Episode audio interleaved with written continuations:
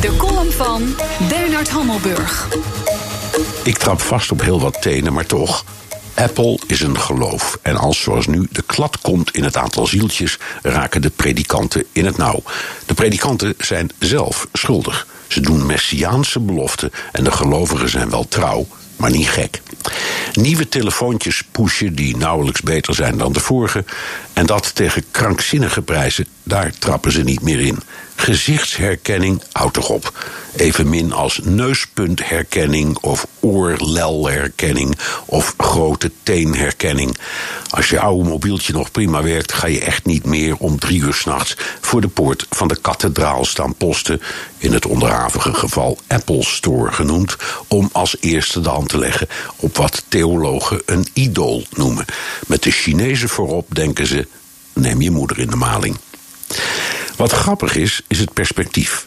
Apple verloor op één beursdag tientallen miljarden in waarde en sleurde in de hele wereld de beurzen mee omlaag. Analisten wezen er terecht op dat, om in de sfeer te blijven, niet de apocalyps was gearriveerd. Het gaat nog steeds best goed met de economie, ook met Apple dat best tegen een tikje kan. Tegelijkertijd staan Amerika en de rest van de wereld op hun kop over de 5,6 miljard die Trump wil voor zijn muur of zijn hek, of hoe het ding ook mogen gaan heten.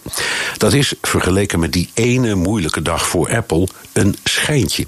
Maar ook als je die 5,6 miljard afzet tegen de totale Amerikaanse begroting van meer dan 4 biljoen, dan is het helemaal te verwaarlozen. Ook dit is een schijnvertoning. De Democraten gunnen het Trump niet dat hij kan zeggen: die muur, die heb ik beloofd en die komt er. Trump gunt de Democraten niet dat ze zeggen: die muur, die hebben we toch maar mooi tegengehouden. Inhoudelijk is er niet zoveel aan de hand. Beide partijen hebben schoon genoeg van de illegale immigratie.